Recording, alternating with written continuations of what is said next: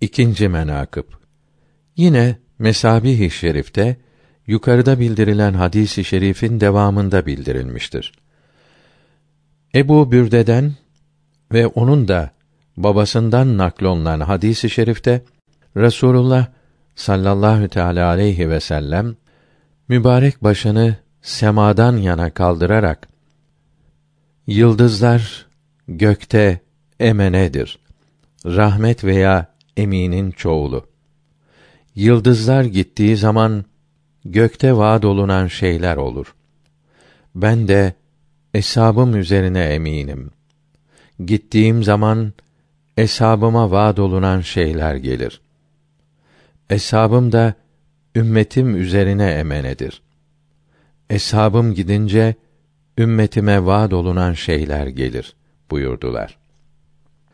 Müslim hadis kitabını şerh eden rahimehullahü teala beyan etmişler ki hadis-i şerifte geçen emenetün kelimesi eman rahmet demektir ve eminin çoğuludur.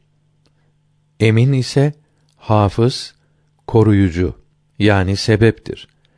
Gökler için vaad olunan şeyler kıyamet günündeki yarılması, dağılmasıdır. Yıldızların gitmesinden maksat kararması ve dökülmesidir. Ben eshabıma emeneyim ve ben ki gittim eshabıma fitneden, harpten ve bazı Arapların irtidadından, kalplerde meydana gelen ihtilaflardan vaad olunan şeyler gelir demektir. Bunlarla alakalı olan şeyleri açıkça bildirdiler. Buyurdukları her şey vaki oldu. Ümmetine vaad olunan şeyler zuhura geldi.